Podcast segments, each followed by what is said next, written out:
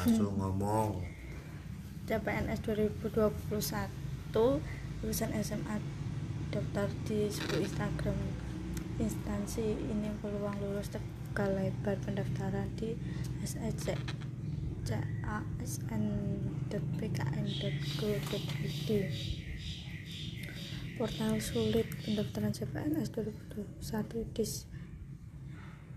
link tersebut ikut mengakomodir lulusan SMA derajat terdapat sebuah instansi membuka kesempatan bagi pemegang ijazah SMA